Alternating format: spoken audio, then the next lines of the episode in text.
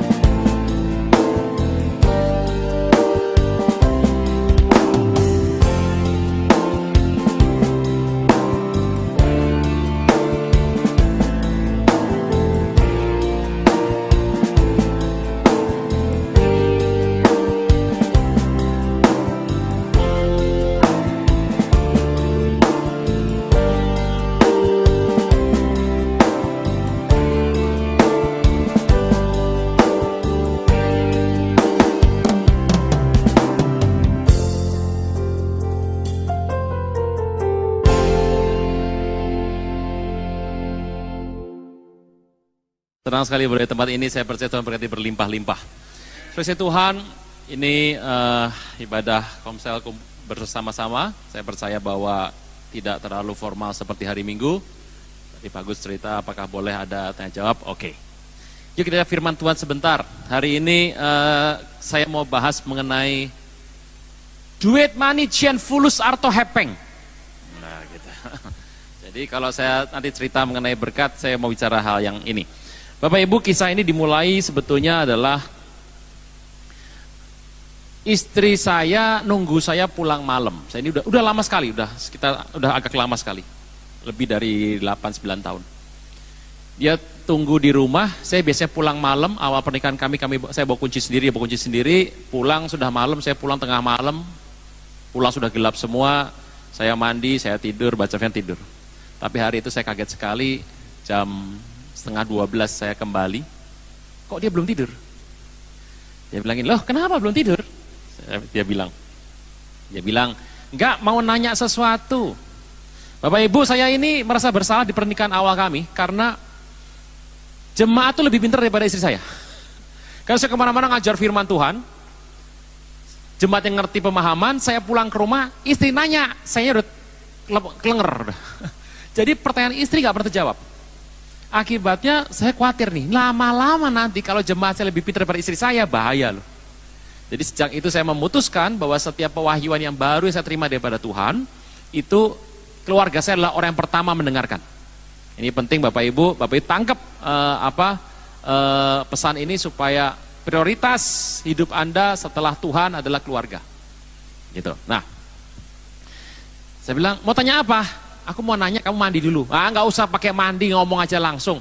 Pertanyaan agak berat. Ah tidak apa-apa, pasti gampang. Apa? Kamu tanya, saya jawab baru mandi. Saya pikir ini peristiwa cuma 2-3 menit. Sayang, Tuhan tuh sayang sama kita kan? Iya. Tuhan baik kan? Iya. Dia dahsyat toh? Iya. Udah kelamaan saya bilang ngomong aja terus terang. Tuhan sembuhkan orang buta kan? Iya. Orang bisu bicara? Bicara saya bilang. Kalau orang tuli, dengar dong. Kenapa Tuhan gak pernah bikin orang miskin jadi kaya? Saya bilang gini, onde mande. Bahasa apaan itu? Eh, Tuhan tuh berkati kita jadi kaya loh. loh iya sayang. Aku mau tanya, kenapa kitab gak pernah tulis orang miskin jadi kaya? Saya bilang, ah masa udah kamu tidur, aku cari jawabannya. Bener ya, besok pagi doa tak jawab. Udah tidur, ayah-ayah wae, saya bilang.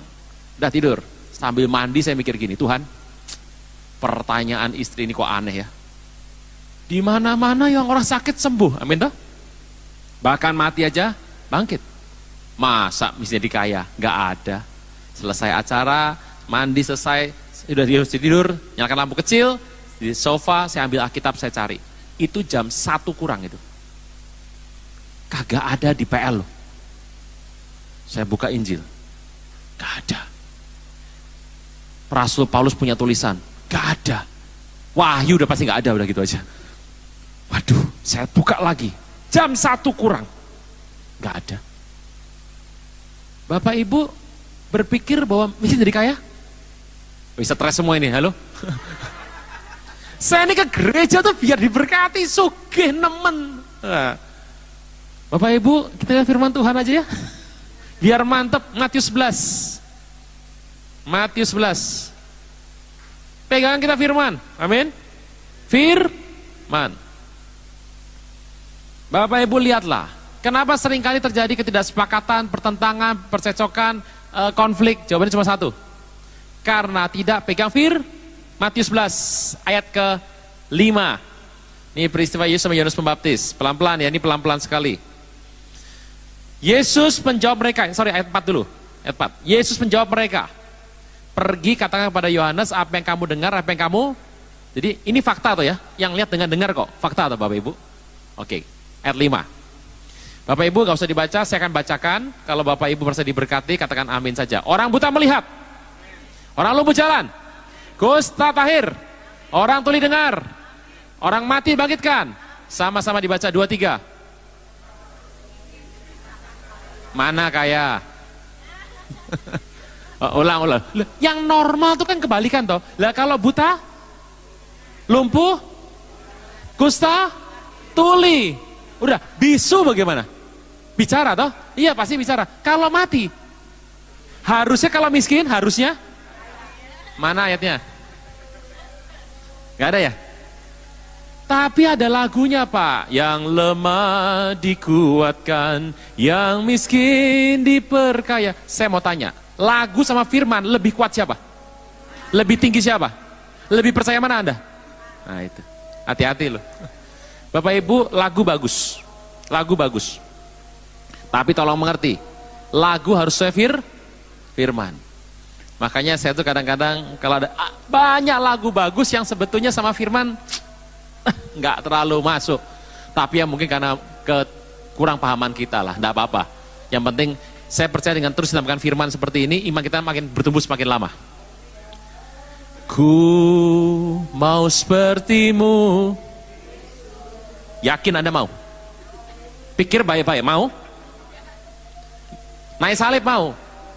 Waduh saudara, Rasul-rasul itu aniayanya adalah potong, diiris, ditombak, dipedang, dipenggal. Itu aniayanya rasul-rasul. Anda tahu aniaya orang Jakarta?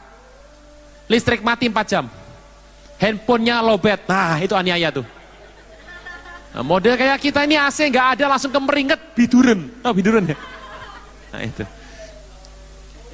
Orang Jakarta begitu mati lampu 6 jam, kayak neraka itu rasanya. Model kayak kita kok mau dipenggal, diiris, aduh. Ania sudah beda Bapak Ibu. Nah ini penting, jadi kita harus menangkap sebuah esensi. Fear, kita berkata kita menjadi seperti gambaran Kristus. Ya tapi ya lagu ya sudahlah, tidak apa-apa. Saya kalau ngerti lagu ini yang lebih lucu lagi. Walau seribu rebah di sisiku, kau tetaplah Allah penolongku. Walau sepuluh ribu rebah di kananku. Sebab, baru salah anda ngomong. Ah, kita berkata, takkan menimpa, sebab Yesus sertaku. Saya mau tanya, takkan goyah sama takkan menimpa, beda loh. Gak menimpa tuh gini, saya lagi ngobrol, saya jalan, nih jatuh nih, kubrak tuh gak menimpa. Gak goyah tuh begini, kubrak kubrak, kubrak. Anda mau yang mana? Ah, kita bilang gak ditimpa, Anda nyanyi takkan goyah kan? Goyah itu kena loh, tapi gak ambruk. Mau toh? Mau toh? Takkan menimpa sebab Yesus itu Mazmur 91. Begitu saya lihat mau nyanyi, saya emang gak mau. Karena kalau Anda ngomong takkan goyah, ketiban tiap hari ketiban masalah atau duar aku kuat dalam kau duar tembak tiap hari. Mau berapa lama? Fear. Saya kok belum mantap ya, belum mantap teruskan. Lukas 4, Lukas 4. Lukas 4. Ini supaya kita lebih detail melihat ayat ke 18. Ini topik tahun ini. Kenapa tahun ini bagi orang Yahudi ada tahun Yobel tahun ini. Dan tahun Yobel itu firmannya ini. Tahun Yobel tahun pembebasan. Roh Tuhan ada padaku kata Tuhan Yesus. Oleh sebab ia telah mengurapi aku sama-sama untuk menyampaikan kabar baik kepada Jelas sekali sudah dua ayat loh. Kita berkata dengan keterangan dua tiga saksi perkara sah kan. Kita berkata ternyata untuk orang miskin dapatnya apa? Kabar kaya apa kabar baik? Masalah kabar baik tebelnya segini dulu, kalau kita belum. Nah ini. Waktu saya mendengar ini, saya nggak ketemu ayatnya, saya tidur. Pagi bangun istri tanya, gimana? Ketemu nggak? Nggak. Bener kan? Tuhan nggak ngasih orang miskin jadi kaya? Iya bener sayang. Tuhan kasih kabar baik. Nah, jadi sekarang saya percaya Anda dan saya mau mendengar kabar baik. Ngomong kiri kanan nggak usah salaman, kabar baik. Kabar baik. Ya. Ini nggak ada hubungan sama sugih loh, kabar baik. Gitu. Bapak Ibu, hal yang menarik. Saya tuh pernah bertanya sama Tuhan, saya mungkin, Anda mungkin bertanya dalam hati Anda, Bapak Ibu, tapi mungkin Anda sungkan bicara. Saya juga sungkan. Kenapa orang Kristen, setelah kita lihat historis nih, masa lalu nih ya, kenapa ada orang Kristen yang dari lahir, eh, yang dari bertobat sampai meninggal, punya mobil satu, rumah satu? Ada orang Kristen yang sampai meninggal, rumah satu, motor satu.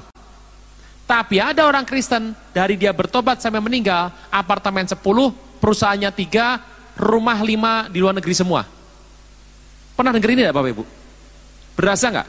Kenapa ada orang Kristen yang memang berkatnya adalah motor satu, rumah satu, toko satu. Ada yang berkatnya mobil dua, rumah dua, istri satu. Kan gitu. Itu. Jadi hati-hati loh yang ini. Ini. Ada yang kok ada ya pak? Orang Kristen ya? Waduh. Mobilnya sama warna bajunya sama. Ngerti ya? Kalau hijau dia pakai hijau. Kalau hitam hitam. Gitu kapal tankernya banyak bahkan punya pulau kenapa tidak semua Kristen punya pulau kenapa tidak semua Kristen punya apartemen kenapa tidak semua Kristen punya tower kenapa Kenapa sepertinya Tuhan membeda-bedakan ada yang punya kapal tanker, ada yang punya tower, ada yang punya mobil lima, ada yang punya satu. Ada yang punya motor satu, ada yang... Kenapa sepertinya kok ada perbedaan? Saya nggak tahu Anda pernah bertanya apa tidak dalam hati. Kalau ada yang bertanya, saya beritahu jawabannya sekarang. Begini kisahnya. Nah, kan gitu. Bapak Ibu, yuk kita lihat sebentar. Doa Bapak kami jelas sekali. Bapak kami dalam sorga, dikuduskanlah, datanglah kerajaanmu. Seperti ini, berilah hari ini kue tiaw kami yang cukup. Oh, kita kan nggak makan roti, Anda makan roti nggak nendang tuh? Ya, orang sana makan roti, kita makannya adalah kue tiaw. Nah, saya Tuhan, ternyata Tuhan tuh janji bahwa engkau dan saya akan mengalami yang namanya kecukupan. Kecukupan. Jadi ada batas minimal. Pokoknya Tuhan janji Anda dan saya masuk di garis itu. Urusan nanti Anda mau naik ke sana, mau ke ujung sana, mau setengah sini, itu terserah. Yang penting ada batas mi minimal. Bapak Ibu saya harus cerita satu hal. Ada seorang datang sama saya bilang gini. Ini kan kita mau pergi retret nih tempat saya. Jadi tahun depan retretnya masih ada acaranya tahun depan. Jadi tolong sekarang mulai menang nabung Nah, jadi tabung kasih ke bendahara pakai nama nanti sudah kumpul tinggal jangan sampai pagi itu hari hari diminta sekian nggak bisa malah susah nanti acaranya. Setuju? Setuju. Yang tidak bisa ngadep ngadep. Ada yang bilang Pak kalau yang satu minggu itu nah apa satu bulan naruhnya 100 ribu saya berat. Oh ya enggak apa-apa, kalau berat ya sudah 50 saja. Nanti menjelang hari jangan jauh menjelang tiga bulan sebelum acara kita akan pikir baik-baik gimana. Jangan sampai pada hari H baru bicara. Oh ya udah. Terus gini Pak ya, uh, eh, saya sewu Pak, uh, mohon maaf. 50 ribu ya sebetulnya masih agak berat Pak. Oh oke, okay. kalau gitu gini, 25 saja. Tidak apa-apa, nanti coba saya carikan donatur masih setahun toh ini, bisa toh ya? Bisa toh ya, 25 ya? Ah, itu Pak, karena ini kan uh, anak saya ini tahun depan mau masuk sekolah. Kebetulan ini masuk SMP, jadi ada biaya dadakan. Jadi 25 ribu bisa Pak, tapi kalau yang kali ini ini rada berat gitu. Bisa dipertimbangkan lagi enggak? Ah gini saja kalau gitu. 10 ribu tapi rutin. Jangan minta turun lagi. Gimana kalau 10 ribu? 10 ribu ya Pak. Uh, Sepuluh ribu ya Pak? Iya, saya bilang sepuluh ribu. Gimana? Sepuluh ribu ya Pak. A apa bisa turun lagi Pak? Coba saya satu, koreksi diri. Nah gitu. Loh iya toh? Loh Tuhan aja sama Lot ada tuh ceritanya? Soal Abraham sama Tuhan ngomongin Lot? Sodom Gomora masih ingat? Turun toh? 50, 45, 40, 35, 30 terus terus toh? 20, 10, terakhir Tuhan bilang apa? Stop toh? Saya bilang, kalau situ belum bisa, koreksi di diri. Yuk kita lihat sebentar. Yehezkiel. Yehezkiel. Yang pertama, ayat 4 sampai ke 10. Memang paling seneng kalau ke tempat ini. Jumlah khotbah saya durasinya boleh lama katanya.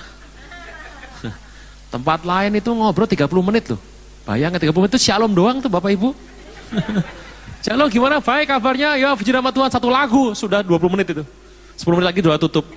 Yeskiel pertama ayat 4. Jadi Bapak Ibu kalau dibaca, saya mau cerita sebentar. Jadi Yeskiel itu satu hari dia itu uh, melihat sebuah penglihatan.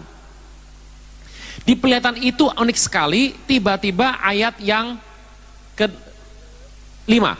Di tengah-tengah itu, Yeskiel pertama kelima, ada yang menyerupai empat makhluk hidup. Berapa makhluk? Seperti ini mukanya. Mereka menyerupai manusia, ayat 6, tapi masing-masing punya empat muka dan masing-masing ada empat sayap. Jadi ini makhluk ini punya muka. Terus ayat berikutnya, kakinya lurus dan telapak kaki seperti kuku anak lembu, mengkilap seperti tembaga yang baru digosok. Teruskan, 8. Di empat sisi mereka tampak tangan manusia. Muka dan sayap mereka berempat begini. Ayat 9 saling menyentuh dengan sayap dan tidak berbalik kalau berjalan masing-masing lurus. Berarti mukanya ada di sini, di sini, di sini, sama di sini. Teruskan. Mukanya kelihatan begini. Punya manusia di depan, muka manusia di depan. Muka singa di sebelah kanan. muka lembu sebelah kiri, muka Raja Wali di belakang. Ayat 11.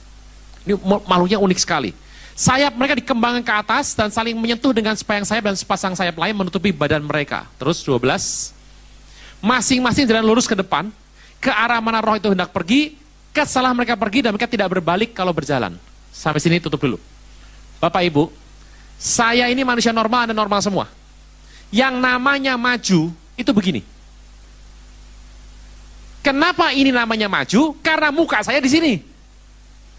Nangkap ya? Kalau muka saya di sini, ini mundur ini. Nangkap ya? Ulang, ulang, ulang, ulang, ulang, ulang. Ini saya bilang maju karena muka saya di sini. Ini saya bilang mundur karena di sini gak ada muka. Nangkap ya? Kalau Anda bilang ini mundur, berarti muka Anda di sini. Bisa ya? Kalau ini Anda bilang maju, berarti muka di sini. Ini makhluk unik. Ini maju gak makhluk tadi? Empat toh? Saya mau tanya, ini maju gak? Maju. Nah kalau gini maju juga toh? Kalau gini maju gak? Maju gak? Bapak Ibu tolong tangkap baik. Dalam kerajaan sorga, ikut Tuhan tuh maju. Ini, tolong ngerti? Ini ke sana maju toh? Ke sana maju gak? Maju. Sana ya maju, sini ya maju. Kenapa? Karena mukanya ada. Saya dibilang mundur karena muka saya di sini. Kalau muka saya di sana di sana ada, ini maju, ini maju nih. Nangkep ya? Kalau muka saya tambah sini lagi, ini maju, maju, maju, maju. Kalau sampai begitu ikut tentara, baris-baris, kacau balau itu. Untung gak begitu. Bapak Ibu sampai sini bisa nganggap ya? Oke. Ternyata kita tahu persis. Yehezkiel juga bilang, yuk kita lihat Yehezkiel 10. Setelah firman ini saya akan menjelaskan. Ayat 14. Yehezkiel 10 ayat 14. Masing-masing punya empat muka. Yang pertama muka kerub, yang kedua muka manusia, yang ketiga muka singa, yang keempat muka raja wali. Muka manusia, muka singa, muka raja wali, muka kerub, muka lembu. Berarti kerub sama lembu mirip tuh. Iya nggak Bapak Ibu? Muka manusia sama toh tadi? Ini ayat ini sama nggak tadi? Ayat manusia. Terus muka raja, muka si, yang satu ini muka lembu toh? Ini muka kerub toh? Berarti kerub sama lembu mukanya sama toh? Iya, jadi kalau orang bilang muka kerub, mirip siapa itu? Mirip lembu. Jangan salah bicara ya Bapak Ibu ya. Sampai sorga nanti ketemu sama kerub. Anda bilang gini, eh kerub, lu kayak lembu ya? Marah kerubnya, eh, eh, lembu kayak gua, bukan gua kayak lembu. Beda tuh. Saya mau tanya, kita mirip Tuhan tuh? Bukan Tuhan mirip kita loh. Nah, kerub itu mukanya jadi kalau Anda bilang, kenapa ada muka kayak singa begini? Itu muka singa itu mencontoh muka makhluk di sorga. Muka Raja Wali yang kita kenal sekarang ini, itu mencontoh yang ada di sor. Kenapa mata Anda dua, hidung Anda satu, mulutnya satu? Alkitab berkata, kita diciptakan segambar dan serupa dengan jadi semua yang di muka bumi ini mencontoh yang ada di sorga. Saya ulang ya, semua yang ada di muka bumi mencontoh yang ada di jadilah kehendakmu di bumi seperti ini bicara jadi ada empat jenis makhluk. Bapak Ibu, tolong mengerti. Saya mau bicara bukan uang dulu nih, pelayanan dulu. Tuhan Yesus selama di muka bumi itu dipandang dari empat sisi. Saya percaya Anda sudah ikut pendidikan uh, Alkitab, saya pernah sampaikan tahun 2012 waktu itu di sini. Beberapa juga mungkin sudah belajar ikut. Saya percaya Bapak Ibu pernah membaca Matius, Markus, Lukas, Yohanes. Ada lagunya tuh. Matius, Markus, Lukas, Yohanes. Matius, Markus, Lukas, Yohanes. Matius, Markus, Lukas, Yohanes. Takutnya saya yang dibaca ya empat itu doang. Nanti kalau sampai surga ada Matius Fans Club. Markus Fans Club, Yohanes, Lukas Fans Club. Wah, ada fansnya, wih Markus gitu. Anda tahu di ujung sana? Hagai, Sefanya, Obaja, Nehemia, Ezra, Maleaki di ujung sana. Berkumpul, terus garu-garu. Nggak ada yang kenal sama kita ya. Kenapa? Jemaat jarang baca Hagai, Maleaki, Sefanya. Bacanya apa tadi? Matius, Markus, Lukas, Yohanes. Yuk kita lihat sebentar. Bapak Ibu pernah berasa nggak? Kitab Matius kalau dibuka pertama, des, langsung silsilah. Ah, ya, ya benar ya. Apa artinya? Matius itu mau kasih tahu. Yesus yang aku mau tulis di kitabku ini, kata Matius, itu bukan orang sembarangan, itu kayak singa. Itu pakai silsilah dibuka pertama. Apa artinya? Ini orang bibitnya sudah top markotop sip markosip. Begitu dibuka tuh, langsung sisirah raja tuh. Saya mau tanya, Yesus turunan Daud bukan? Apa rasanya Bapak Ibu kalau ketemu orang, salaman langsung ini. Nama siapa Pak? Jeneng Sinten. Raden Mas Singo Menggolo Jayawono. Waduh, itu langsung gemeter. Kenapa? Darahnya biru dongker. Berasa ya? Matius buka pertama, des, silsilah raja. Apa maksudnya? Yesus itu bukan orang sembarangan. Ini keturunan darah biru. Punya urutan sama Abraham, punya urutan sama Daud. Ini nenek moyangnya raja-raja Israel zaman dulu. Walaupun sekarang tukang furniture, koleganya Pak Jokowi toh. Yusuf itu tukang kayu, Yesus tukang kayu, Pak Jokowi tukang kayu. Saya mau tanya, anak Anda bilang, Pak Pendeta anak saya jadikan apa, sekolah apa, biar nanti besarnya hebat. Sekolahkan apa? Tukang kayu. Benar, tiga contoh sudah ada kok. Jadi orang besar semua. Saudara Tuhan. Matius itu kalau Anda lihat, Matius 4. Dia digoda sama iblis. Pernah ya Bapak Ibu? Ikuti cerita ini sambil mereview, merefresh sekali, mengingat kembali. Iblis berkata, kalau engkau anak Allah, jadikan batu ini roti. Tuh bilang apa? Ada tertulis. Manusia hidup bukan dari roti saja, tapi dari firman yang keluar terus-menerus dari mulut Allah. Eh, iblis baca ulang 8 ayat 3. Langsung mengkert itu. Jatuhan dirimu dari bunga bayar Allah. Ada malaikat yang meletang kakimu. Apa Tuhan bilang? Hei onde mande, jangan coba-coba sama Tuhan. Kan gitu. Itu dibuka. 40 hari dia puasa. Kelihatan banget sosoknya itu mantep. Penuh sakti dan berkuasa. Anda lihat Matius. Kitab mana yang menceritakan setelah Yesus mati, dia bangkit, dia cerita sama murid-muridnya, dan dia berkata, yang terakhir apa? Segala kuasa di bumi telah diberikan kepadaku. Gitu? Pergilah jadikan semua bangsa muridku. Baptis Bapak Anak Roh Kudus dan ajar mereka dan ketahuilah aku sertai kamu sampai akhir. Itu ceritanya waktu Yesus ini ngalami kematian. Kan orang kalau lihat film ada, oh, duh jagoannya mati, kan stres. Oh, mati belum selesai. Mati 27, naik lagi, bangkit. Wah, sudah bangkit. Dia berkata, segala kuasa sorga bumi bawah bumi, aku yang pegang. Ini di kitab Matius, Yesus digambarkan sebagai singa. Silakan ya, Bapak Ibu ya. Singa Yehuda. Ketemu penyakit, tengking. Ketemu orang gerasa, nggak pakai tengking, cuma lewat, nyembah semuanya. Makanya Yesus dia digambarkan sebagai si singa. Tapi kalau Bapak Ibu ngelihat kitab Markus, saya mau tanya, ada silsilah? Tidak ada. Anda kalau lihat background masa lalu kelahirannya, cuma saiprit. Kalau Anda cuma baca kitab Markus, Anda nggak pernah ketemu, ini orang backgroundnya apa toh? Dan kalau Anda lihat kitab Markus, Tuhan Yesus sepertinya diusir, dihina, disingkirkan, sama keluarganya nggak dipandang anda kalau kitab Markus Anda buka, sepertinya Tuhan Yesus digambarkan seperti lembu. Atau lembu ya? Ya dikasih kuk, ya jalan. Lemah lembut aja. Diusir ya sudah. Kok kurang greget? Tapi tidak bisa. Itu adalah pola penggambaran Bapak Ibu. Nangkap ya? Kitab Lukas. Bapak Ibu kalau lihat kitab Lukas, isinya Tuhan seperti manusia. Pernah baca nggak kitab Lukas? Alkitab bilang begini. Maka Tuhan Yesus bersungguh-sungguh berdoa di Taman Getsemani dengan sangat ketakutan sehingga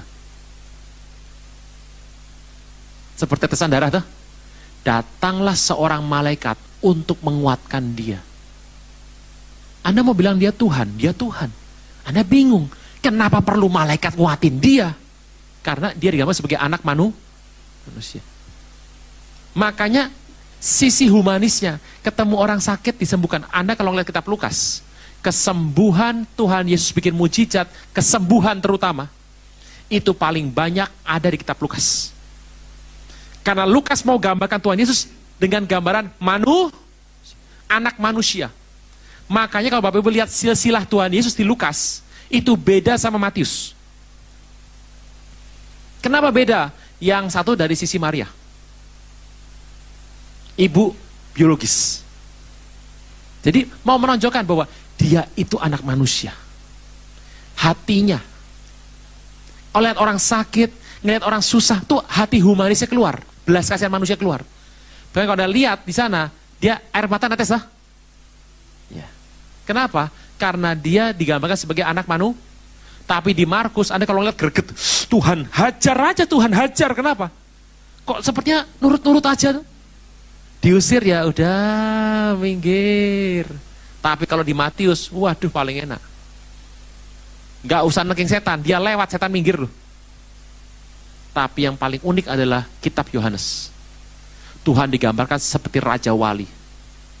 Makanya kitab Yohanes gak kapan diketahui. Contoh. Pada mulanya firman. Firman itu bersama dengan Allah. Dan firman itu Allah. Ayo ngertinya gimana itu? Engkau dalam aku. Firmanku dalam engkau. Filipus, Filipus, ngapain tanya Bapak di mana? Filipus, aku sama Bapak satu. Kamu lihat aku sudah lihat Bapak. Bingung nggak Bapak Ibu? Ngambang tuh, ini apa ya?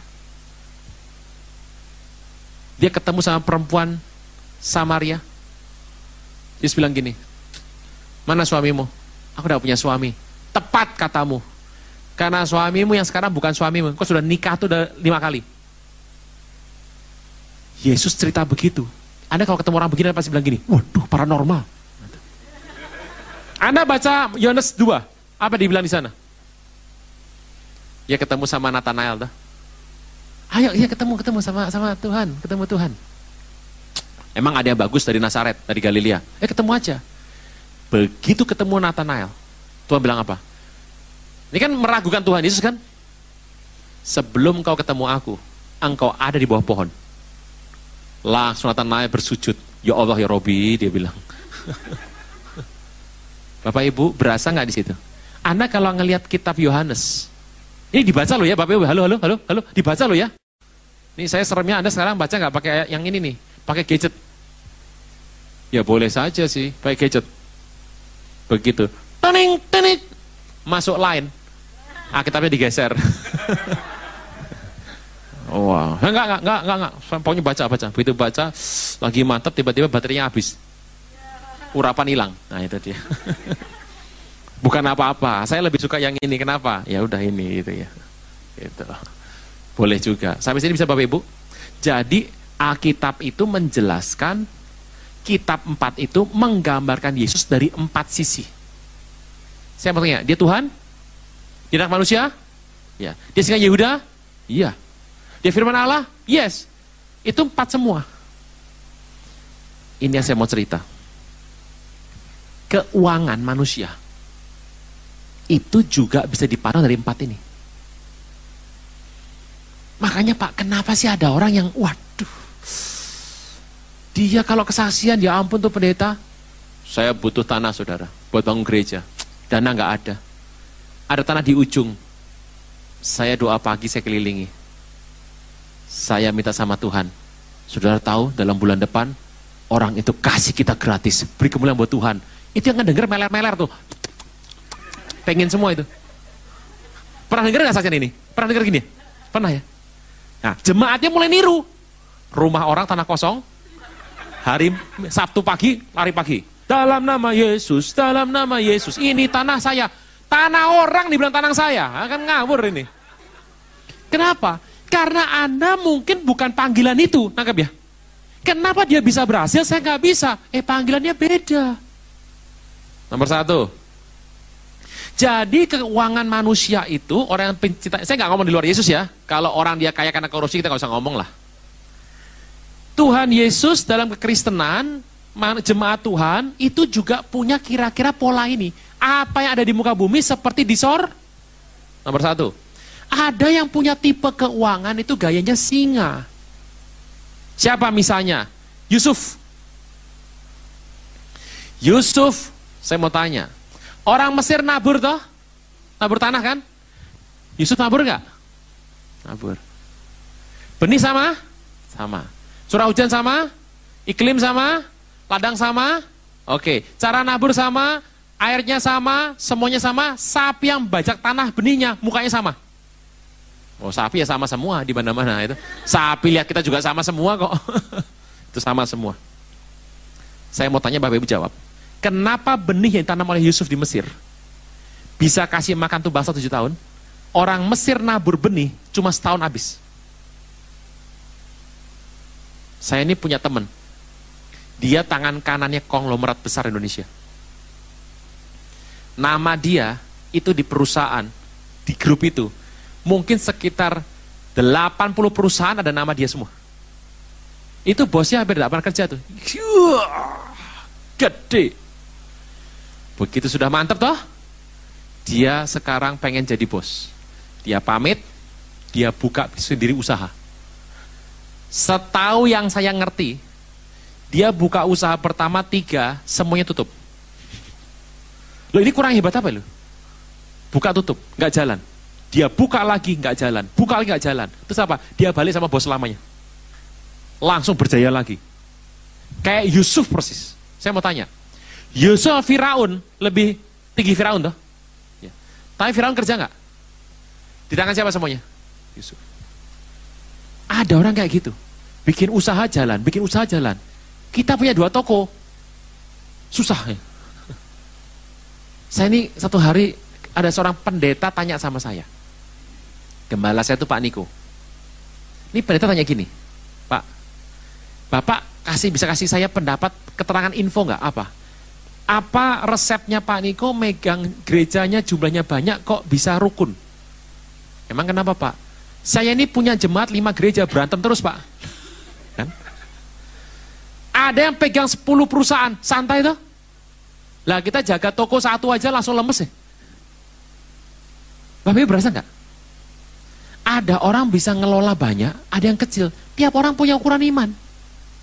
Roma 12 ayat 3. Roma 12 ayat 3 berkata, supaya kita itu memikirkan jangan lebih tinggi dari yang patut kita pikirkan. Roma 12 ayat 3. Tapi berpikir demikian rupa, sehingga kita menguasai diri menurut ukuran ini. Berdasar kasih karunia yang dianugerahkan kepadaku, aku berkata pada kamu, siapa di antara kamu, jangan memikirkan hal yang lebih tinggi dari yang patut kamu. Tapi dalam kamu berpikir begitu rupa, sehingga kamu menguasai diri menurut.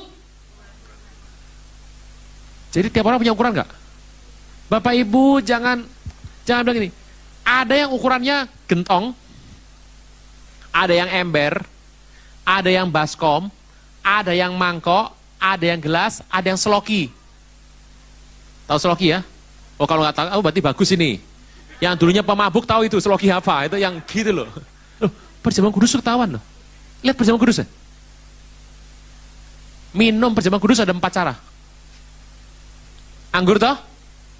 Yang pertama,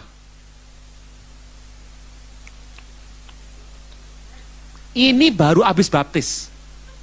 Hari pertama nyoba masih malu-malu. Yang normal begini. Ada yang begini. Background masa lalunya kelihatan. Ya enggak apa-apa kan sudah masuk gereja enggak apa-apa. Yang paling payah begini. Waduh. Ini enggak cuma alkohol nih. Ini tukang apa? Obat bius juga ini. Oh, sebagai kasih Tuhan. Nomor satu ini penting. Yang tipenya you, Yusuf. Ada berapa orang yang memang dia itu kerja berhasil, berhasil, berhasil, berhasil, bikin usaha banyak, apa tujuannya? Untuk menjadi bendahara rumah Tuhan. Lah kalau dia ambil duitnya sendiri buat dia foya-foya, itu bukan orang Kristen, sudah nggak usah diurusin. Ada yang begitu kan? Jadi ada yang dia bikin usaha apa aja berhasil. Saya kadang mikir ya, teman saya punya usaha besar, yang ini kok enggak. Padahal ke gerejanya sama-sama rajin ke gereja loh semuanya. Tolong mengerti, tiap orang itu punya kaplingnya masing-masing. Ada yang tipenya Yusuf. Nah semua orang jemaat maunya Yusuf kan gitu.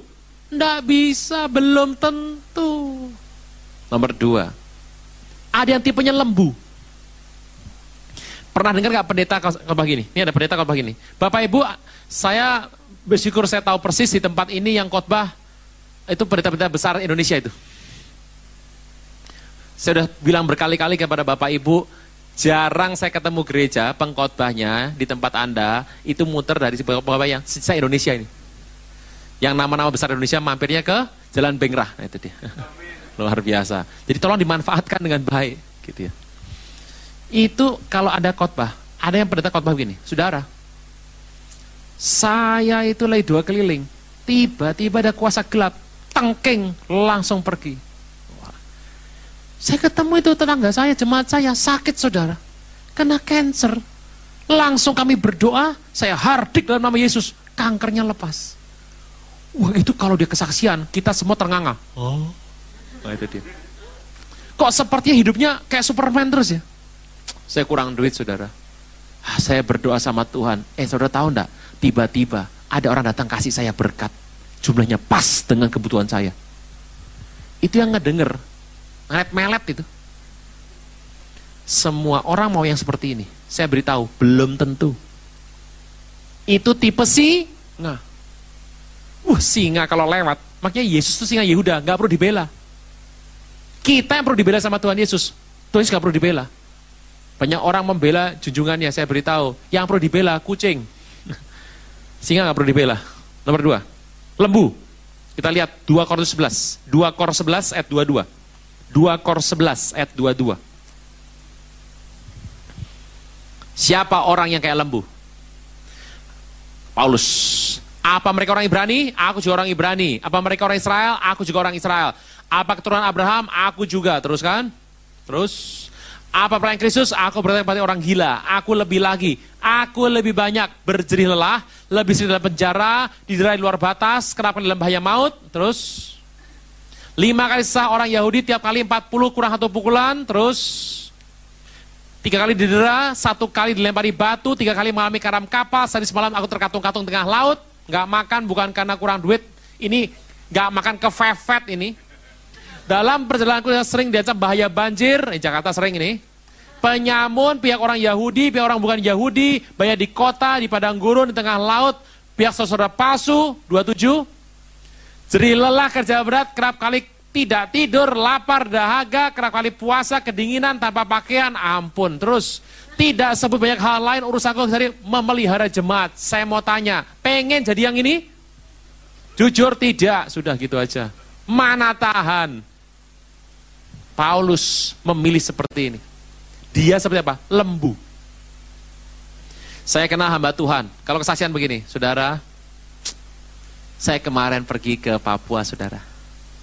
Ya, di sana waktu kami mendarat ketemu banyak orang, diterima ala kadarnya. Tiga hari kemudian tempat kami menginap dibakar. Kami diusir, kami pindah lagi ke daerah Sulawesi, di sana batu menanti kami. Ah, ini sebentar saudara mohon maaf dia buka bajunya, ini lukanya, tutup lagi. Kami pindah ke bagian utara, di sana kami bisa tinggal selama seminggu, tapi setelah itu ada hujan lebat dan kami tersesat nggak bisa makan. Hari ini kami bisa kembali di sini bertemu dengan saudara, puji Tuhan. Yang denger gak minat itu. Saya mau tanya, ada nggak yang begini? Ada. Tipenya lem. Hidup kok kayak gitu ya susah merana. Tapi saya beritahu, tapi dia itu cukup hidupnya. Mau bukti? Kita lihat. Kisah 28, 30, 31. Oh, Paulus itu punya lembu loh. Tipenya Paulus lembu. Paulus tinggal dua tahun penuh di rumah yang disewanya sendiri.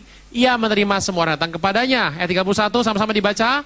Dengan terus terang, tanpa rintangan, ia beritakan kerajaan Allah dan mengajar tentang Kok bisa ya? Dia ngomong terus terang tanpa rintangan ya? Karena ayat 30, balik 30. Tinggal dua tahun penuh di rumahnya, apa? Berarti yang bayar siapa? Harusnya bayar siapa? Jemaat. Kalau dia bayar sendiri, supaya dia kalau ngomong, karena gini, kalau dia dibayari, nanti kalau jemaatnya itu melakukan hal-hal yang buruk, melakukan hal-hal yang dosa, negornya susah. Nangkap pasal Bapak Ibu ya? Saya bersyukur Bapak Ibu, Tuhan tuh adil. Saya bilang sama seorang teman, kamu tuh diberkati supaya kamu tidak bergantung sama orang. Karena kalau bergantung sama orang, kamu nginjil kamu tidak terus terang. Anda mau nginjili orang yang memberkati Anda ngasih duit tiap bulan? Orang itu benci Yesus, tapi ngasih uang sama Anda tiap bulan. Saya mau tanya, Anda nginjil bagaimana caranya? Berat itu. Saya masih ingat satu hari. Di kuliah nih, saya kuliah. Pengurus persekutuan, ini pengurus lebih kakak, lebih pengurus ini. Kami duduk, kami terbiasa kalau duduk di mana pun, itu selalu langsung lihat sebelah, mau nginjil. Saya di kereta api, di pesawat, kalau duduk bersama orang lain, langsung pengen tahu dia backgroundnya apa, agamanya apa. Langsung pengen tahu. Kebiasaan kami begitu. Kebetulan di kampus itu ada orang berwajah India. Nah, jelas toh? Langsung teman saya bilang, sikat. Eh, teman saya mulai nginjil. Yang diinjili kesel. Dia bukan orang Kristen. Dia bilang, stop, stop, stop. Kenapa? Kelamaan ngomong Yesus kamu. Aku ndak pusing, udah pusing nggak ngerti omong kamu tuh apa. Saya mau tanya satu pertanyaan saja. Apa? IPK kamu berapa? IPK itu adalah nilai di kampus indeks prestasi kumulatif. Teman saya ini bilang 3,6. Mentok tuh 4. 3,6 ada 9 toh. Anda tahu nih bilang apa yang dia ini? Suruh Yesusmu belajar sama aku. Aku 3,8. Aku ikut Kristen kayak kamu, nilaiku bisa turun. Dewaku lebih sakti daripada Yesusmu. Ngapain kamu ngomongin Yesus sama saya? Saya tidak perlu Yesus, kenapa? 3,8, kamu 3,6. Itu saya di sebelahnya ngedengar begitu, udah kayak ditabuk tuh. Buak. Itu sambil saya duduk, saya bernasar sama Tuhan begini. Tuhan, kasih aku pinter. Nanti aku ketemu orang, aku injili. Saya bilang. Nah, serem tuh kayak gitu. Paulus. Tapi saya mau tanya, Paulus itu cukup gak hidupnya? Apa usahanya? Tukang kemah.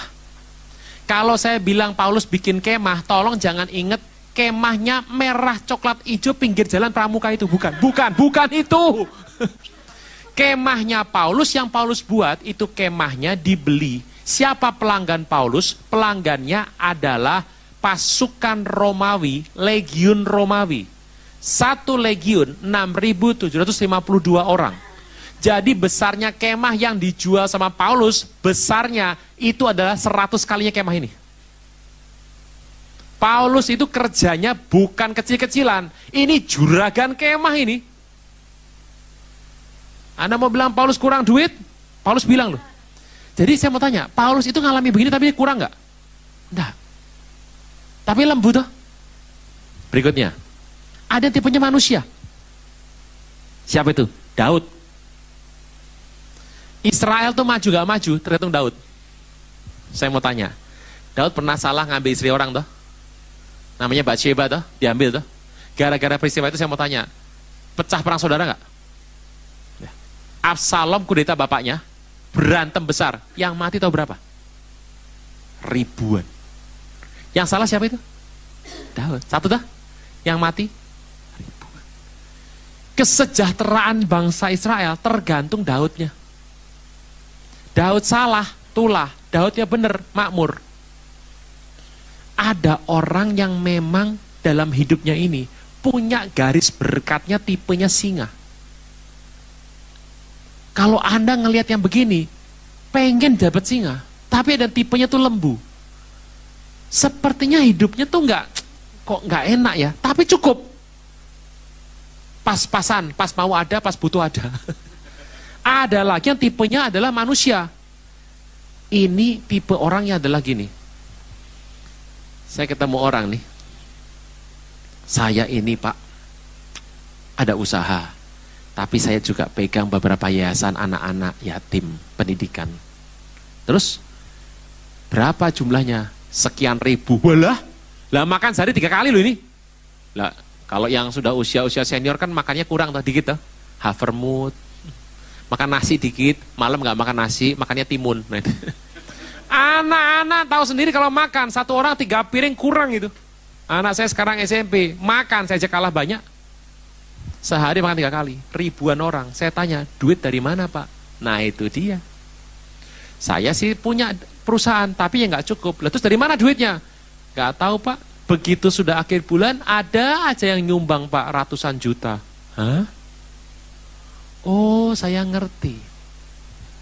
Orang ini diberkati berlimpah, kenapa? Karena dia punya tanggungan. Makanya penting dalam hidup ini punya tanggungan. Dalam arti tanggungan apa sih? Orang yang Anda pelih, bukan peliharaan simpenan loh ya, bukan loh ya. Maksudnya adalah eh, orang-orang yang itu, seperti itu. Makanya saya tuh ajak berapa pengusaha Jakarta. Saya bilang gini, sudah berkati? Sudah, sekarang bangun desa. Dengan cara apa? Satu orang pengusaha, satu pendeta. Raja sama imam. Bermitra. Pendetanya hanya boleh punya satu raja, rajanya satu pendeta. Tugasnya eh, pengusaha kirim duit ke desa, ke pendeta ini. Tugasnya pendeta doain itu pengusahanya. Nah, gitu. Sampai kapan Pak? Sampai meninggal salah satu atau dua-duanya. Terus. Kenapa saya bilang gitu? Karena kalau di desa, itu dikirim duit. 15 sampai 30 juta, satu gereja berdiri. Bangun gereja di Jakarta berapa duitnya? Di desa 15 sampai 30 satu, satu rumah berdiri, satu rumah Tuhan berdiri. Soalnya saya Tuhan, saya tanya sama pengusaha ini, kamu ngasih uang bangun gereja di desa, pernah jadi miskin nggak? Nggak pernah pak. Itu tipe manusia. Nah jadi ada orang yang tipenya manu, yang terakhir yang tipenya Raja Wali. Siapa? Elisa. Masih janda Sarfat? Masih ingat ya? Jandanya miskin. Aduh, ada lagi janda yang punya anak mau diambil sama tukang debt collector. Utang. Ini janda Nabi utang. Wah, stres. Apa Elisa bilang apa? Bawa sini tempayan minyak yang kosong. Terus isi aja pakai air. Terus Cedok aja, isinya apa? Minyak. Itu janda. Dalam waktu nggak sampai satu hari berubah jadi juragan minyak itu. Toko sembako minyak goreng curah. Saya mau tanya, Elisa yang mendoakan punya toko sembako nggak? Yang dua. Masih ingat nggak Elisa bersama nabi-nabi sedang menebang pohon untuk membuka lahan baru? Halo, halo, halo. Pernah ya? Lagi nebang, ada yang lagi nebang, kapaknya lepas, tuing, besi tuh, plung masuk ke dalam danau. Orang bilang gini, Tuanku Elisa tolong dong barang pinjaman. Bapak Ibu, kapak membuka lahan pohon dipotong, itu kapak tuh mata pencarian toh. Kecemplung berarti masuk toh. Itu artinya apa? Bisnisnya lagi drop. Bisnis lagi hancur. Dia bilang apa? Udah gitu dia bilang apa? Barang pinjaman. Ini duit pinjaman bank itu. Apa kata Elisa? Di mana jatuhnya? Di situ Nabi. Dia ambil kayu, dipotong, dilempar, muncul lagi. Saya mau tanya, berarti Elisa sebagai hamba Tuhan bisa memulihkan dengan kuasa Tuhan bisnis yang jatuh nggak? Bisa.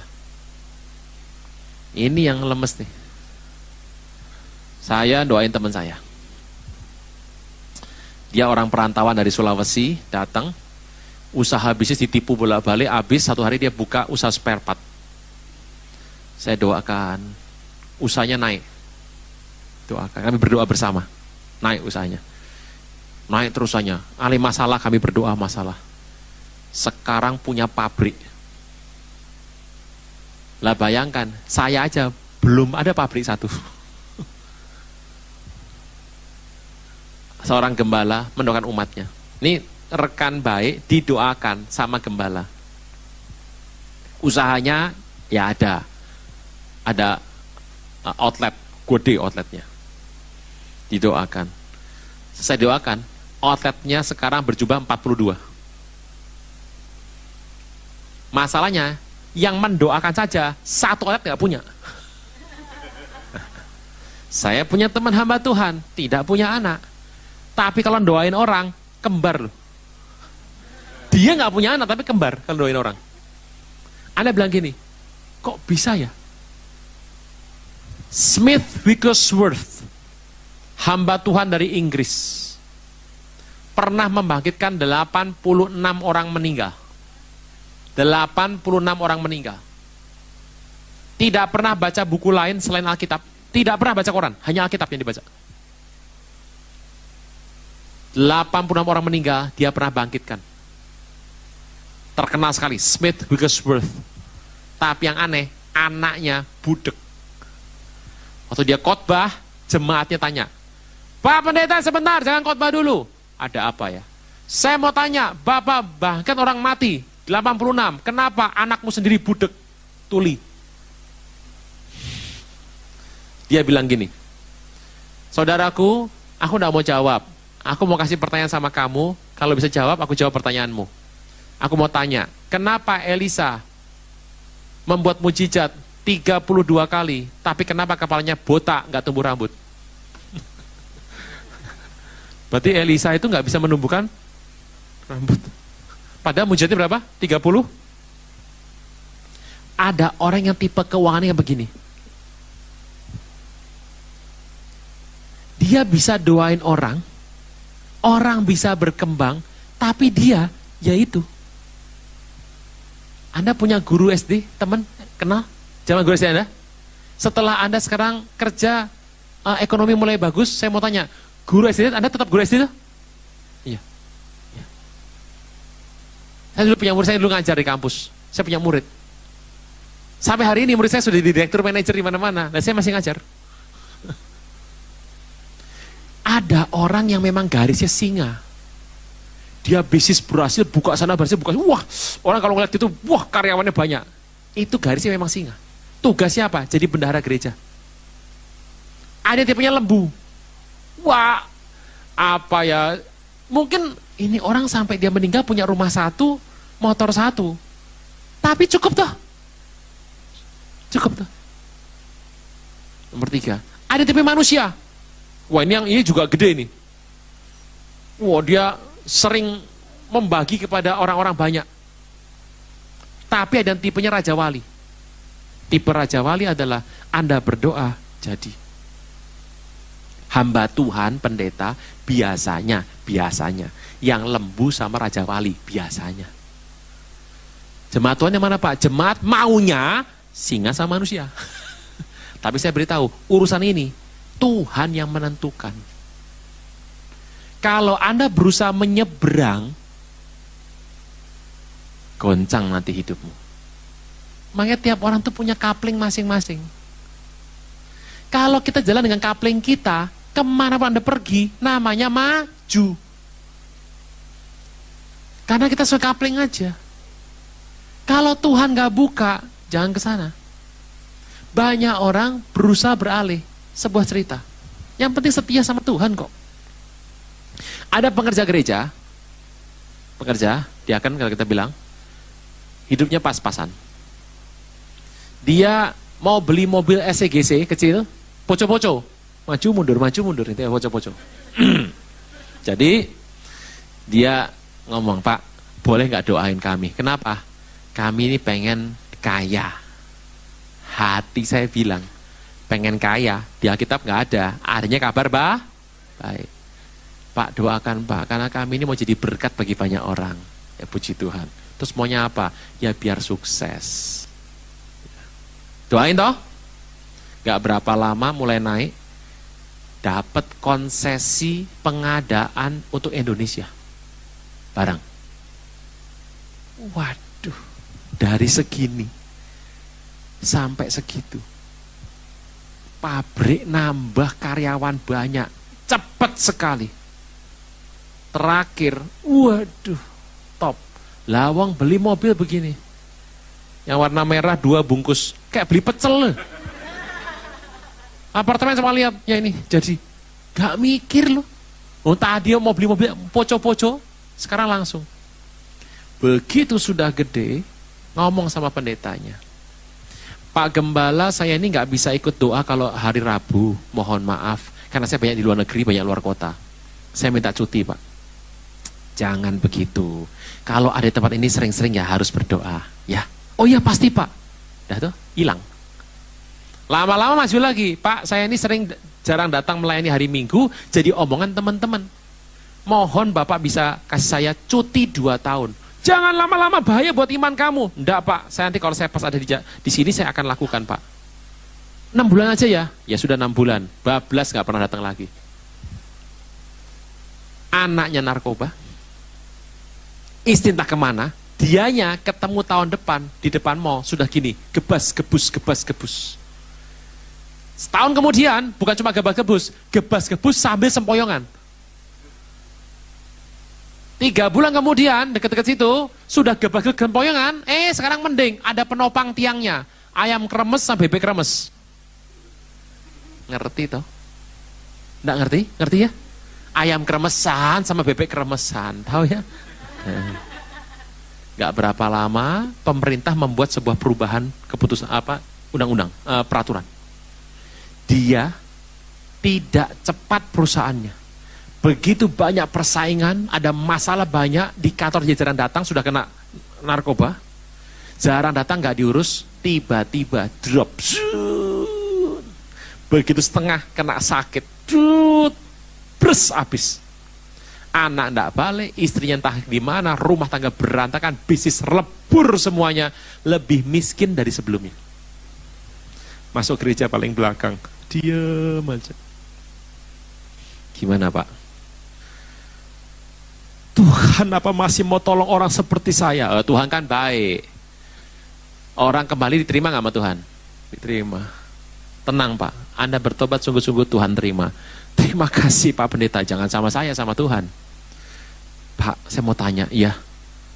Apakah Tuhan bisa kembalikan kekayaan saya? Saya bilang, nehi bro. Nah itu dia. Gak bisa. Sudah, nikmati saya. Gak bisa dipercaya tuh?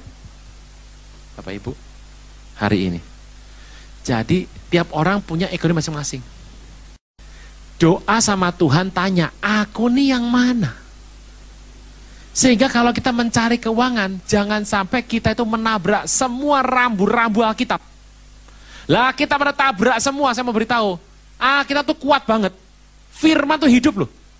Ditabrak terus satu hari pasti memar. Kita berdoa supaya masing-masing Bapak Ibu mengerti panggilannya apa. Apakah jatahnya gentong? Oh, toren? Oh, toren gede itu. apa ember, apa mangkok, atau yang seloki. Tapi tenang saja, yang penting Tuhan kasih cukup. Berilah hari ini panada, pastel, boku kami yang cukupnya.